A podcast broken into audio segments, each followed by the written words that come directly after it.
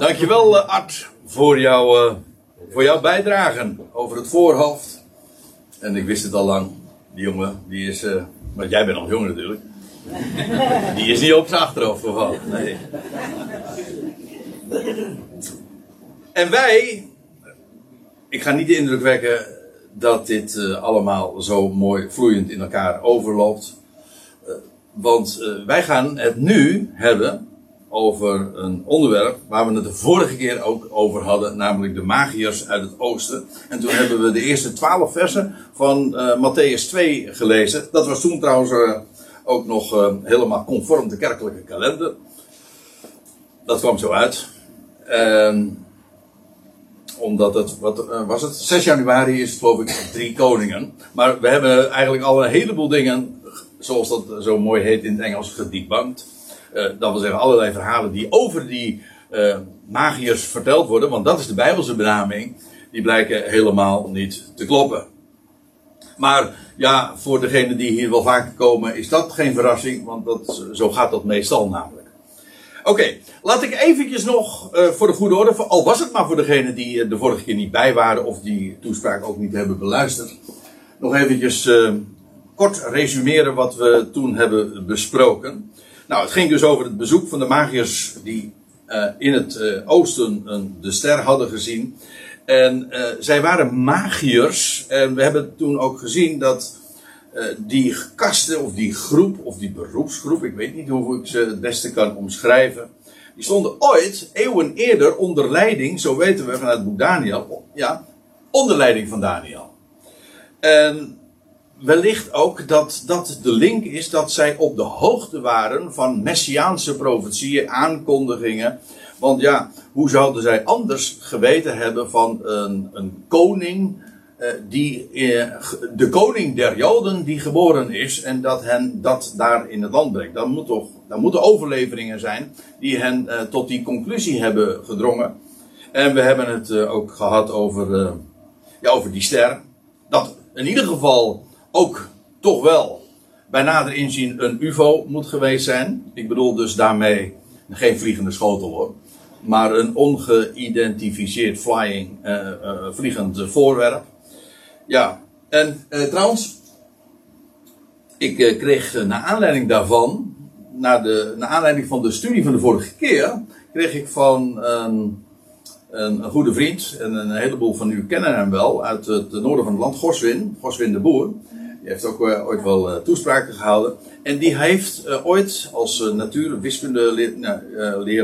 heeft hij ooit een presentatie gemaakt. En hij heeft het ook op YouTube gezet.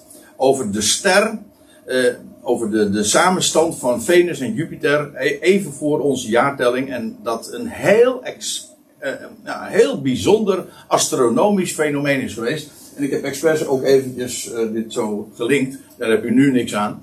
Maar als, voor degenen die nu dit thuis bekijken, die kunnen dat gewoon even aanklikken op de presentatie. En dan gaan ze vanzelf naar de, de, naar de, naar YouTube film van een, minuut of zes, waarin het heel goed ook uitgelegd wordt en uh, gevisualiseerd wordt wat die magiërs toen ooit in het oosten hebben gezien. Dat is een heel spectaculair fenomeen. Nou, daar heb ik toen al wat over gezegd. En het is een, een combi geweest van wat zij uh, een, andere ster in combinatie wellicht ook met toen die hele astronomische uh, samenstand. Een, een, heel spectaculair gebeuren geweest. In ieder geval, uh, het, zij werden, uh, zij waren, het was voor hen volstrekt helder om naar, het, om naar richting Jeruzalem te gaan. Want ze vragen niet van of de koning der Joden geboren was, maar ehm, waar is hij geboren? En ja, dan hebben we nog iets gezien. Uh, Jozef en Maria, dat weten we vanuit het Lucas-evangelie. Die zijn. Uh, de achtste dag werd Jezus besneden als Joods jongetje. En op de veertigste dag werd hij getoond in de tempel. En daarna, na de verrichtingen die verplicht waren, zijn zij, dat weten wij uit Lucas 2, vers 39, zijn zij teruggekeerd naar Nazareth. En, en het is in Nazareth geweest dat kennelijk dus die uh, magiërs een bezoek hebben gebracht. En die sterren hebben, ze werden gewezen naar Bethlehem, maar het was vervolgens de ster die hen wees, een heel andere kant op wees. En dat, die bracht hen in, uh, in Nazareth. Staat niet expliciet beschreven in Matthäus 2, dat is waar, maar we weten wel dat ze na de 40ste dag weer teruggekeerd zijn naar Nazareth. Oké. Ja, dat is op zich ook al natuurlijk heel bijzonder dat de magiërs helemaal niet in Bethlehem geweest zijn. Oh. Wat, ik, wat ik u allemaal niet afneem, hè. En, nou, en toen keerden de magiërs weer terug naar hun land. Maar heel uitdrukkelijk niet via Jeruzalem. En ik heb de vorige keer ook al eventjes gehint op de, de, de meer profetische betekenissen die daarachter zitten. Dat wil zeggen, het heeft alles ook te maken met de, eigenlijk de huidige tussenperiode. Waarin het heil naar de natieën gaat. En buiten Jeruzalem om, buiten Israël om. En eigenlijk dat, is, dat typeert de huidige tijd. Ik kom daar straks nog op terug. Maar wij gaan nu dus verder. Het vervolg. En we waren dus uh, halverwege Matthäus 2. En ja, eigenlijk hebben we het vandaag helemaal niet meer over die magiërs uit het oosten. Maar wel over de nasleep daarvan, zal ik maar zeggen. Want dan lees je in vers 13. Toen zij echter terugtrokken. Dat wil dus zeggen uh, tijdens die terugreis van de magiërs. Uh, toen zij echter terugtrokken naar hun landstreek. Let op, een boodschapper van de Heer verscheen in droomtoestand, in een droom, aan Jozef. Ja, dat is in het Matthäus-evangelie, vooral die eerste twee hoofdstukken, nogal bijzonder. Want uh, je leest, je leest nog wat van, uh, nogal wat keren over dromen. Ga maar na. In hoofdstuk 1 vers 20 wordt, krijgt Jozef een droom. Dat gaat dan over de zwangerschap van zijn verloofde. En hem wordt dan duidelijk gemaakt hoe de vork werkelijk aan de steel zit. En dan in het, trouwens, dat is het voorgaande vers nog, 2 vers 12, dan lees je dat die magiërs ook in een droom wordt duidelijk gemaakt dat ze niet, zoals afgesproken, de, weer terug moeten keren naar Jeruzalem en Herodes op de hoogte brengen, maar dat ze dan via een andere route, een omweg dus eigenlijk, maar in ieder geval niet via Jeruzalem, zouden terugkeren naar hun land. Dat was ook in een droom. En dan hier dan in, uh, over Jozef, die de opdracht krijgt in een droom om naar Egypte te vluchten. Uh, later zullen we dat uh, straks ook nog zien, dat Jozef een droom dan krijgt in Egypte, namelijk om weer terug te keren naar de dood van Herodes. En als hij dan eenmaal in het land is aangekomen, krijgt hij nog een keer een droom. En dat is om in ieder geval niet in Judea te, te blijven, maar door naar, naar Galilea toe te gaan en ook een omweg te maken. Met andere woorden, Jozef blijkt nogal een meesterdromer te zijn. Maar nu zit ik lijkt het tenminste dat ik twee geschiedenissen door elkaar haal. Want wij kennen allemaal een Jozef die inderdaad die naam had. Meester Dromer. Dat was ook in Egypte trouwens. Nou ja, uh, deels. In ieder geval, Jozef had heel veel met dromen in Egypte. Dat, dat, ook daar komen we straks nog eventjes op terug. En kijk, zulke, zulke ja, ja, dit, hiervan zeggen ja, toevallig was dat ook Jozef. Nee, daar, daar, zit veel meer aan vast. Jozef was namelijk ook de eerstgeborene. De, uh, de, aan hem waren, hij was de eerstgeborene van Rachel. De, en en aan hem werd het eerstgeboorterecht toegekend. En dat heeft alles te maken, ook weer, met ja, de waarheid van het Nieuwe Testament. Dus ja, Jozef uh, in Egypte, ooit. Jozef, de, een van de broers, zal ik maar zeggen. De geliefde van zijn vader. En die verworpen werd door zijn broers. Ja, maar dat heeft alles te maken met die Jozef die we ook in het Nieuwe Testament weer tegenkomen. Trouwens, er zijn nog veel meer Jozefs. Hoe zeg je dat nou? Jozefs. Of Jozefen. Nou ja. Uh, in, in het Nieuwe Testament. Jozef van Arimathea. Barnabas, die heette trouwens ook eigenlijk zo. Dat is een oorspronkelijke naam. Nou ja, we komen er nog wel wat uh, meer tegen. En dat, uh, dat moet ons altijd attent maken op, uh, op dit soort dingen. Dat, dat, is nooit zomaar en toevallig. Oké, okay. een, Jozef krijgt dus een droom. Terwijl de, de magiërs weer naar hun, hun thuisland gaan. Naar hun. Of thuisland. Klinkt zo Zuid-Afrikaans. Uh, maar in ieder geval dat ze weer terugkeren naar wellicht Mesopotamië, of het huidige Irak. En dan, uh, wordt, dan krijgt Jozef een droom. En een boodschapper maakt hem dan duidelijk: reis op, sta op, uh, neem de kleine jongen en zijn moeder. Die kleine jongen staat centraal, hè? dat is duidelijk. En zijn moeder. En vlucht naar Egypte en wees daar totdat ik het u zeg. Ook hier weer.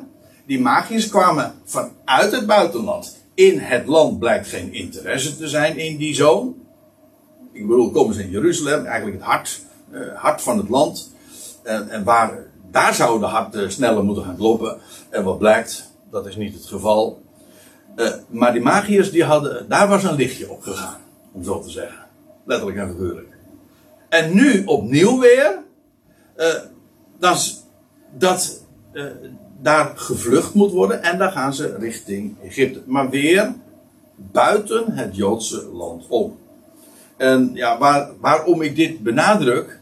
Omdat hier in zo'n geschiedenis veel meer verteld. Daar zit een verborgen werkelijkheid. En het heeft ook alles te maken met de huidige tijd.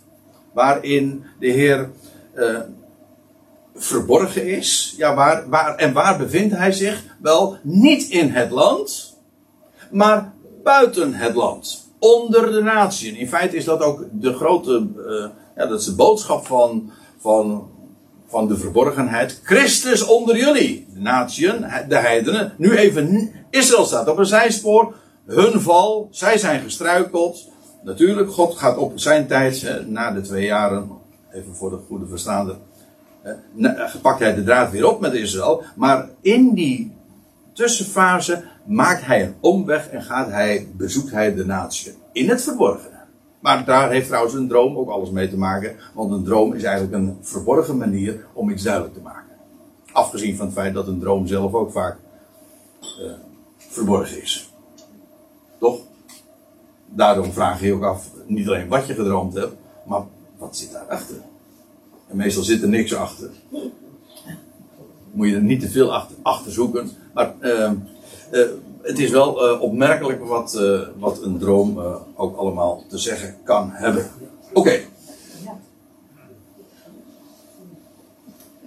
Okay. Oké, hij krijgt dus nu de opdracht om naar, naar Egypte te vluchten. Want staat er, dat, het wordt ook duidelijk gemaakt, want Herodes staat op het punt eh, de kleine jongen te zoeken en het om te brengen.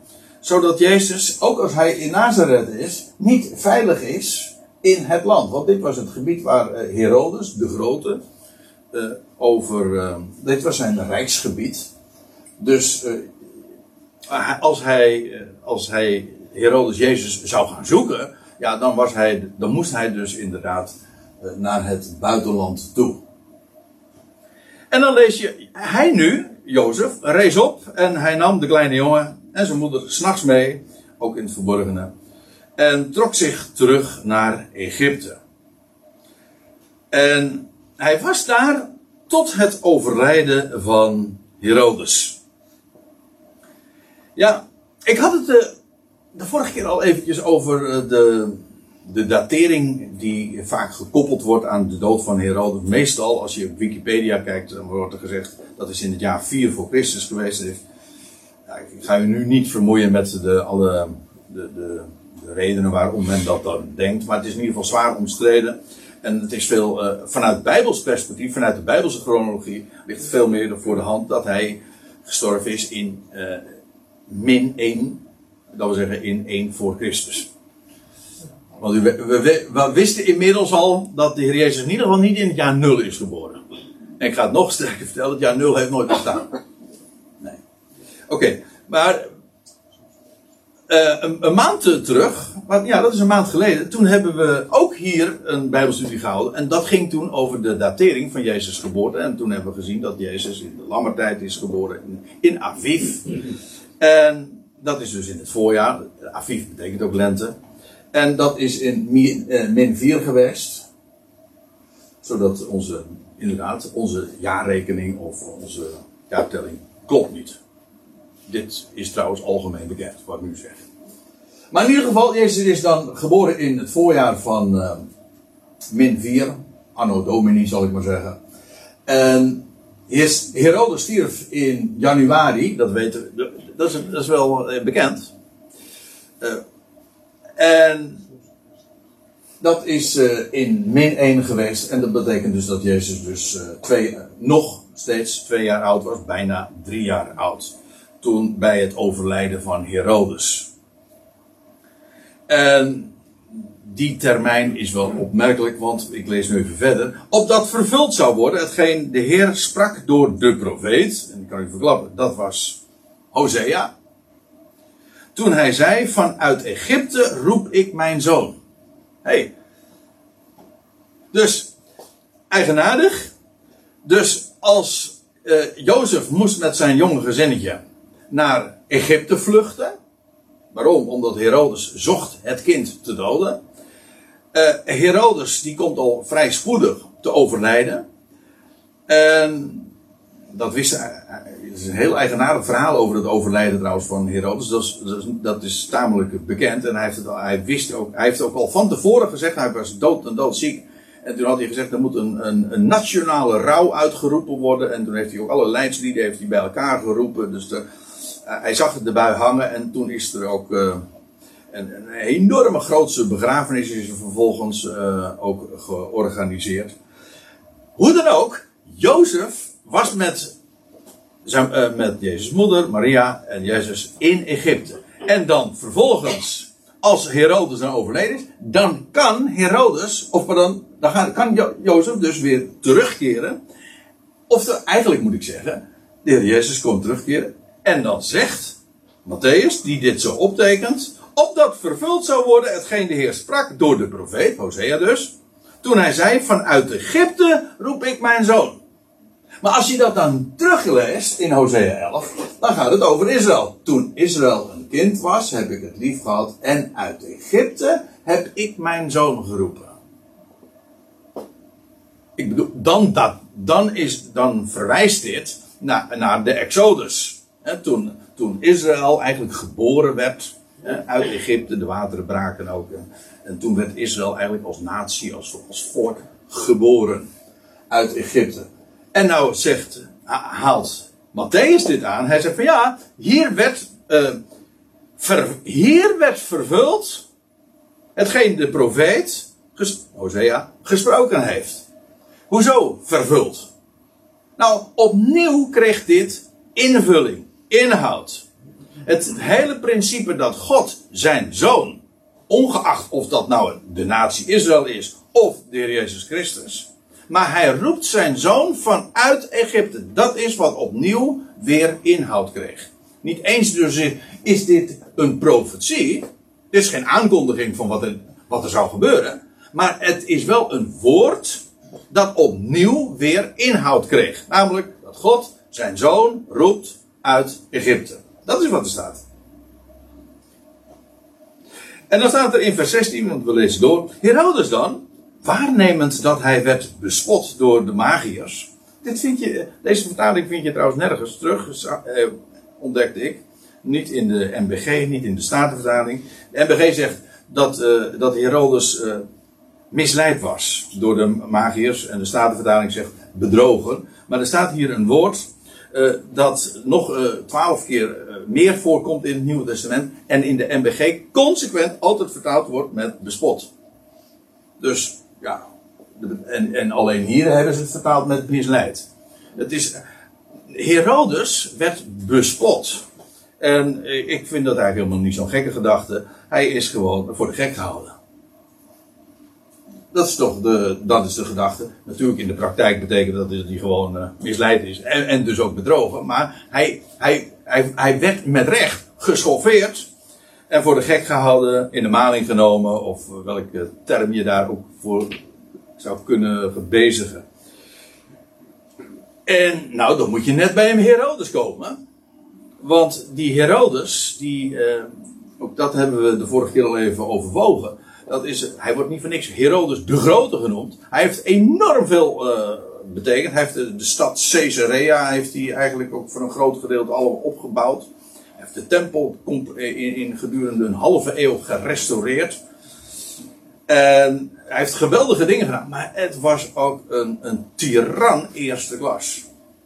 Uh, hij heeft vele, vele omgebracht. Nou, dan moet je net dus bij Herodes wezen, als hij dus in de gaten krijgt dat hij bespot is. Gewoon in de maling is genomen door die magiërs. Nou, wat gebeurt er? Herodes dan, waarnemen dat hij werd bespot door de magiërs, werd zeer woedend. En erop uitsturende, uh, zo staat het dan letterlijk, ruimde hij alle jongens in Bethlehem uit de weg.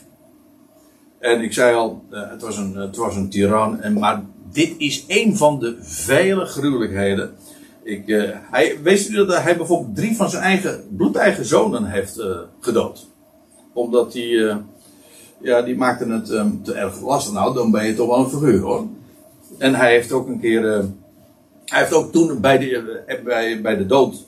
Bij het doden van een van die zonen. Heeft hij ook nog eens een keertje 300 aanhangers. Dat wil zeggen, fans van die, van die zoon. Heeft hij ook nog eens omgebracht. Hij heeft vele fariseeën, schriftgeleerden. Ook trouwens vlak voor zijn overleden. Dus dat is in deze tijd geweest. Heeft hij vele schriftgeleerden uh, in Jeruzalem omgebracht. Allemaal, de, alle, iedereen die het uh, niet met hem eens was en die zijn beleid zeg maar in de weg stond, of wat hij meende, want hij was ook nog eens een keertje enorm uh, paranoia. Hij, hij, zag overal vassallen, of hoe noem je dat, concurrenten in, rivalen. In die zin is deze gebeurtenis in Bethlehem uh, niet eens zo heel opvallend. Het, past helemaal in het plaatje. De, de, aardigheid. Voor, het is een fout woord in dit verband. Maar uh, het is wel apart dat je deze gebeurtenis elders ook nergens meer vindt opgetekend. Ook Jozef, Flavius Josephus maakt geen melding van. Alleen in het Nieuw Testament lees je over deze kindermoord in Bethlehem. Maar het past wel helemaal in, uh, in de beschrijving van, van zijn karakter. Maar in ieder geval, hij ruimde alle jongens in Bethlehem uit de weg van twee jaar en daaronder. Dus max twee jaar. En dan staat erbij, in overeenstemming met de tijd die hij exact, nauwkeurig had vastgesteld bij de magiërs. Dus die, het, het loutere feit dat hij dat op deze wijze deed, ook als hij een marge heeft genomen, een veilige marge, uh, hij heeft dit heel wel bewust, die termijn van twee jaar uh, uitgekozen. Zo wordt het beschreven. Twee jaar. Nou. Ja. Uh, ik zou haar zeggen, vul kleur het plaatje nu verder zelf in. Want je voelt hem eigenlijk op je klompen al aankomen. Dit is trouwens ook, hey, de termijn die Jozef gevangen heeft gezeten in Egypte. Ja, dat lees je. De, de, na twee volle jaren werd Jozef uit de, eh, uit de gevangenis gehaald. En wat deed hij ook alweer in de gevangenis? Dromen uitleggen, ja. Hij, hij, hij, hij was daar de overste in de gevangenis. Hij was Jozef, moet je nagaan, bestemd voor de troon, maar volstrekt nog miskend door zijn broers. Ik hoop dat u heel, nu met dubbelzinnige oren zit te luisteren. Jozef, weet je wel, de eerstgeboren, bestemd voor de troon, maar hij werd nog volstrekt miskend. En hij bevond zich in de gevangenis. En in die twee jaren, ja, uh, houdt hij zich met verborgenheden uh, bezig en dromen legt hij uit. En, en hij, hij zorgt ook, hij was de overste in de gevangenis. Hij, was, hij, zorg, hij droeg zorg voor, voor de mensen daar. Hij had daar ook een goede, weliswaar in het verborgen en in de gevangenis, maar een goede positie daar verkregen. Maar na die twee jaar lees je dan dat hij uh, ja, verhoogd wordt. Dan krijg je trouwens ook weer een droom te horen. En hij is bij machten uh, die droom uit te leggen. Jozef in Egypte. Ja, ik kan me voorstellen dat er nu ook een beetje kortsluiting ontstaat. Want we hebben het over verschillende Jozef, Jozefen. Ja. Maar kijk, we hebben het nog niet zo lang, een paar maanden geleden hebben we het uh, gehad over de vele voorkomens, een stuk of zes, zeven keer, dat we lezen in de Bijbel over een termijn van 20 jaar. En iedere keer blijkt dan dat, uh, bijvoorbeeld Jacob die in het buitenland 20 jaar is en na die 20 jaar komt hij weer terug. Maar in dit geval is het, uh, is het ook weer twee. Maar dan, uh, dan praten we niet over jaren, maar het verwijst naar 2000 jaar, naar twee millennia. Die deze periode van twee jaar spreekt inderdaad van de huidige ja, tijd van twee, twee dagen.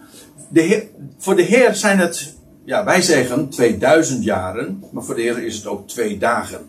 Twee jaren, het gaat om dat getal 2. Dat markeert en dat typeert deze tijd.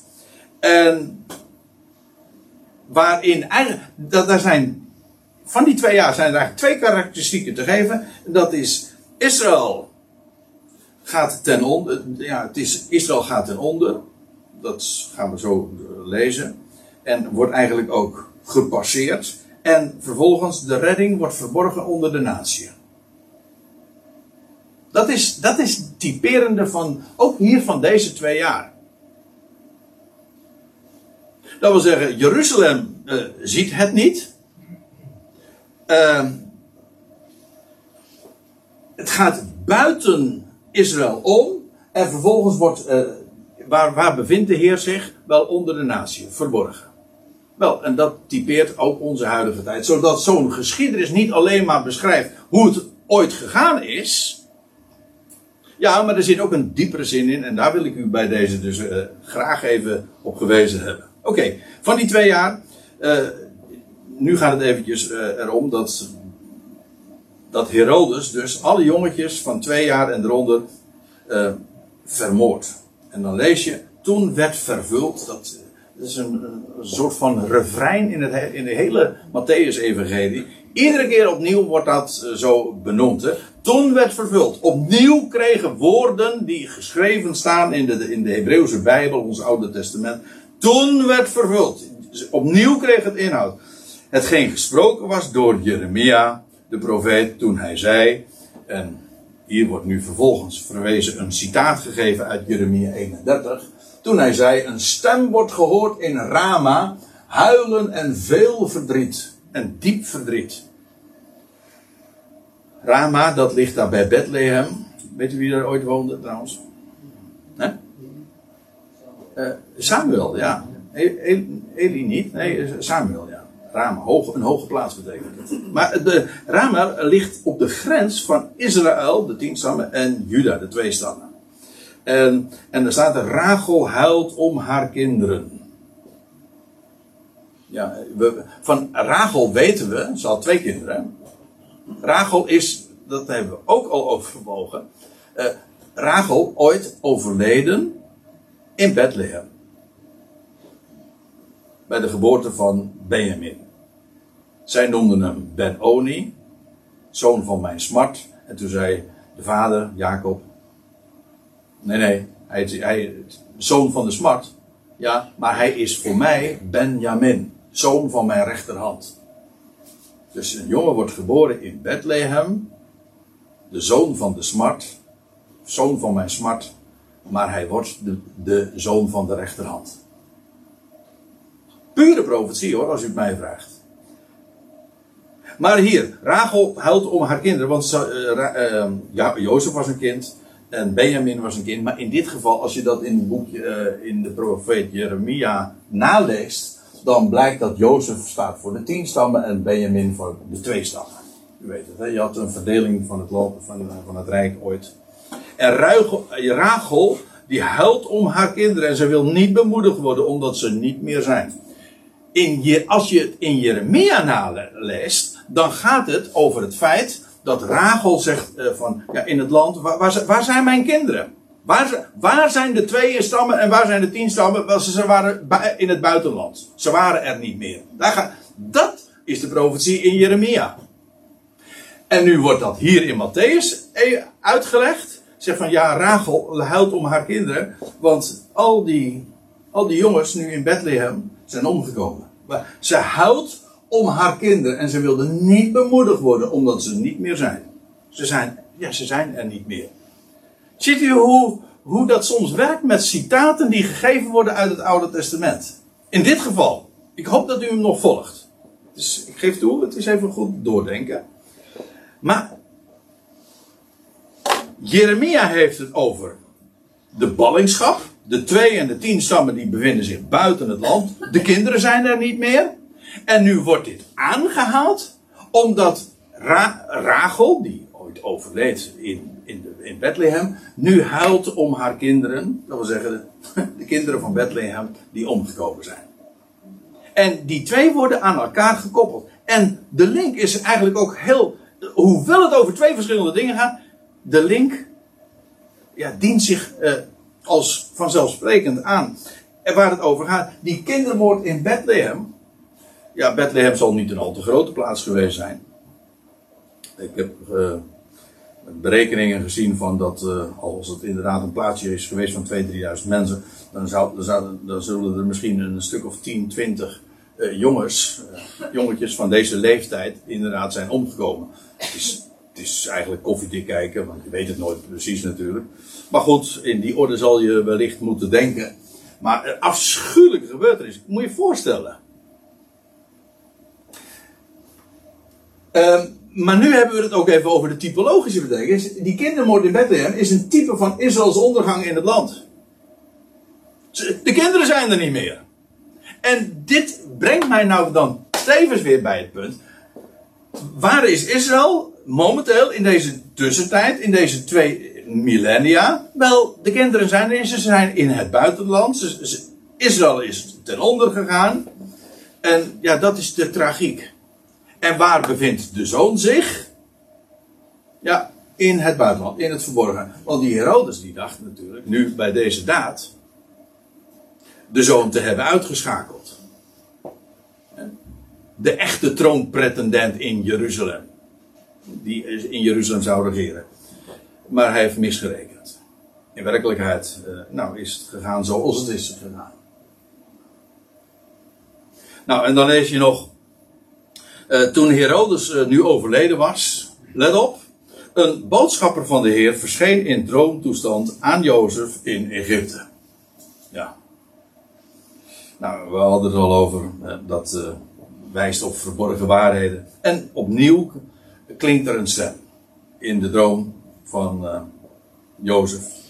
En nu, hij, Jozef bevindt zich in, in Egypte, dus Jozef en, de, en zijn zoon, de heer Jezus Christus, bevindt zich in Egypte. En daar die afschuwelijke kindermoord in Bethlehem. Rachels kinderen zijn daar niet meer. Wat een tragiek. En nu, nu is Herodes uh, overleden. En, en ook krijgt hij te horen van, zie, reis op. Neem de kleine jongen en zijn moeder mee. En ga weer naar het land. Want degene die de ziel van de kleine, zocht, van de kleine jongen zochten. Is was inmiddels dus geen baby meer, maar eh, maar de, degene die de ziel van de kleine jongen zochten, die zijn gestorven. Degenen. Meervoud trouwens. Dus kennelijk uh, niet alleen Herodes, maar ook zijn bevelhebber wellicht, die, de, die aan de zoektocht leiding gaf. Uh, die was ook inmiddels overleden. Dus, dus hij kon nu weer naar het land. En nu staat er, en hij nu, dus Jozef, rees op, nam de kleine jongen en zijn moeder en hij kwam in het land. Toen hij nu hoorde dat Archelaeus, Archelaus, zo moet ik het zeggen, koning was van Judea, in plaats van zijn vader Herodes, werd hij bevreesd daarheen te gaan. Ja, want uh, Herodes die overleed en wat je kreeg is dat zijn rijk werd, uh, viel uiteen in vier delen. Toen kreeg je dus een viervorst, zo heet dat. Je komt in het Nieuw verschillende keren zo die term tegen. De viervorst. Een tetrarch. Dat wil zeggen een, ja, een viervorst. Dus eigenlijk iemand, een vorst die een, een, een, een regent, die een vierde deel van het rijk erft. Want ja, het werd verdeeld onder zijn kinderen. En die, deze Archelaus, uh, die is, uh, nou dat was echt wel een duplicaat van zijn vader hoor. Die heeft, die heeft maar kort geregeerd. Tot, uh, nou, ja, een jaar of zes, zeven of zo een echt een tiran. En hij had dit gedeelte, want uh, dat moet ik u even uh, duidelijk maken. Hij, dit was het gebied van Judea, vrij ruim genomen trouwens, uh, van waar Archelaus regeerde. Ja, dat is Herodes Archelaus. En paars, dit gebied, daar kwam Herodes Antipas. In plaats van zijn vader. En dan had je ook nog Philippus de Tetarch, die zat hier. Dus dat rijk dat viel uiteen in vier delen. Of in ieder geval werd verdeeld in, in vieren. En, en dat werd verdeeld onder de zonen. En hier uh, het zilverkleurige gedeel, dat uh, werd uh, geregeerd door, een zuster van Herodes de Grote. Oké, nou ja, dat doet allemaal niet zo heel veel ter zake. Maar wat wel ter zake doet, is dat hij dan hoort van Archelaus dat die koning was in Judea in plaats van zijn vader Herodes. En Jozef werd toen alsnog bevreesd om daarheen te gaan. Ja, dat wil zeggen, daar doorheen, doorheen te gaan. En dan staat er, en hij werd in een droomtoestand in kennis gesteld. Dat is de vierde keer, hè? Hij werd opnieuw. Ja, dat werd ooit door een bekende zanger gezongen: De meeste dromen zijn bedrog. Maar dit zijn echte dromen. Uh, hij werd in een droomtoestand in kennis gesteld zich terug te trekken naar de delen van Galilea. En dan, wat hij dan doet, is dat hij via een omweg, ook weer buiten Jeruzalem en Judea om, naar Galilea gaat. En dus hij, hij komt in het land. Hij verneemt dat Archelaus hier koning is. En uh, hij heeft daar kennelijk kwade dingen over gehoord. En wat hij doet is gewoon een omweg maken. En hij gaat naar Galilea. In ieder geval buiten het gebied van Judea. En hij vermijdt uh, daarmee uh, inderdaad Judea. En daar komende, vers 23 staat er dan. En daar komende woonde hij in een stad Nazareth genaamd. En als je dat nou in het Matthäus-evangelie leest, krijg je de indruk alsof uh, dit voor het eerst is dat het daar komt. Dat is heel eigenaardig. Want het staat er niet, maar als je alleen het Matthäus-evangelie zou hebben, dan zou je, zweren van, dat is volstrekt nieuw. Maar we weten dat dat niet zo is, want uit het Lucas-evangelie weten we dat zowel Jozef als Maria beiden uit, uit Nazareth afkomstig waren. En vanuit Nazareth zijn ze ook uh, naar Bethlehem gegaan. En na die 40 dagen uh, zijn ze ook weer teruggekeerd naar Nazareth. Dus uh, daar komende woonde hij in een stad Nazareth genaamd. Ja, waar ze dus al eerder woonden. En dus nee, nieuw, nieuw is dit niet. Nazareth, alleen waar Matthäus vermeldt nu uh, waarom? Wel omdat hij uh, nu ook op iets belangrijks wil wijzen, namelijk dat dat in overeenstemming is met de profeten. Want er staat er, en daar komende woonde hij in een stad Nazareth genaamd, zodat vervuld zou worden hetgeen gesproken is door de profeten. Uh, dat hij, ja, want zo staat er, dat hij Nazarener genoemd zou worden. Oei. Uh, hoe zit dat dan? Wat, er wordt heel vaak overheen gelezen. Men zegt van, maar waar, waar lezen we dat dan? Strikt genomen staat hier ook helemaal niet dat dit geschreven staat. Er staat, de profeten hebben er over gesproken. Dus dat hoeft niet eens per se in de schrift terug te vinden zijn. Het kan een mondeling, het kan door de profeten gesproken zijn en dat het mondeling is, uh, bekend is geworden, maar dat het nooit ergens in de profeten zwart op wit geschreven staat. Toch? Daar, kan ik, daar zijn meer voorbeelden van te geven. Het feit dat het staat, dus het staat niet van, zodat vervuld zou worden hetgeen geschreven, geschreven is door de profeten. Nee, hetgeen gesproken is door de profeten. Dat is één ding. Maar, er is nog iets. En dat is dat hij, eh, wel, dat er wel degelijk toch een aanwijzing is in de profeten van, die, van Nazareth. Want in Jesaja 11, daar lezen we dit. Dat is een, uh, een tekst die nog eens een keertje, ja, vooral bekend is vanwege uh, in, in, in, de maand december, rond de kersttijd wordt het gelezen. Ik denk dat het erg onbekend is, of feitelijk de betekenis. Want uh, daar staat, lezen we deze profetie. Er zal, een, er zal voortkomen een twijg uit de tronk van Isaïe. Een tronk, dat is een stronk, hè, dat is een afgehouden boom. Het idee is, de dynastie van David, dat koningshuis van David, na vele generaties geregeerd hebben, zal worden afgehakt. Die hele dynastie, die stamboom zal worden omgehakt. En, maar, en dan denk je van, nou ja, dat is einde verhaal. Nee, in werkelijkheid, wat, wat, daar, wat, wat is, er zal een, voor, een voortkomen, een twijg uit de tronk van Izei, en een lood uit zijn wortels zal ze vrucht dragen. Op een, op een onverwachte wijze zal er toch weer nieuw leven in dat, in dat, in dat, in die oude, vergaande uh, koningshuis uh, voortkomen. En ik heb hier het woord een lood, een scheut. Waar het hopeloos lijkt, daar geeft God alsnog nieuw leven. En dan. En het woord wat hier staat, ik heb het expres dus met kapitaalletters en onderstreept, dat is dit woord, netzer. Zo schrijf je netzer. Het Hebreeuws lees je van rechts naar links dus. En dat is, als je in het Hebreeuws uh, Nazareth schrijft, dan, dan zit dit woord er ook in. En hoezo Nazarener? De aardigheid is, het is echt uh, bijzonder, dat, het, uh, dat Nazareth in het hele Oude Testament niet eens voorkomt. Het is een, een, een kleine plaats uh, geweest. En ik, ik las van dat in, in, in het begin van onze jaartelling, dus in de tijd dat de Heer Jezus daar opgroeide, uh, toen moet het een plaatsje geweest zijn van hooguit 400 inwoners. Dat is gewoon een hele kleine nederzetting geweest. Maar wat is nou de uh, de, het uh, aparte daarvan? Deze plaats werd bevolkt door allemaal nakomelingen van David. Eigenlijk, als je ze een achternaam zou willen geven, dan heten ze Davidson. Nee, niet Harley, maar dat is weer nog.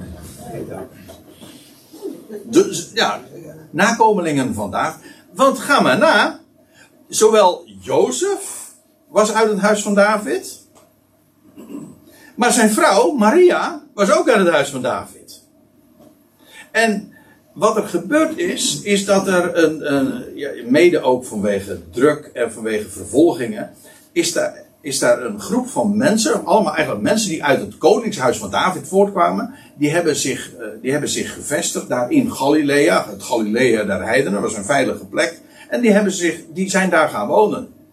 En dat waren allemaal scheuten, zeg maar. Dat waren, en die hebben zich genoemd naar de naam van, uh, die, die al gegeven was in het boek Jezaja. Dat waren allemaal netsers. Dat wil zeggen, uh, mensen uh, eigenlijk waar de, waar de verwachting uh, in vervuld zou worden. Dat wil zeggen, ooit zou er uit het huis van David toch nog een lood voortkomen. Wel, die, uh, en dat is een netzer. En die hebben zich gevestigd. En hoe gingen ze hun woonplaats noemen? Gewoon Nazareth. Naar, naar eigenlijk.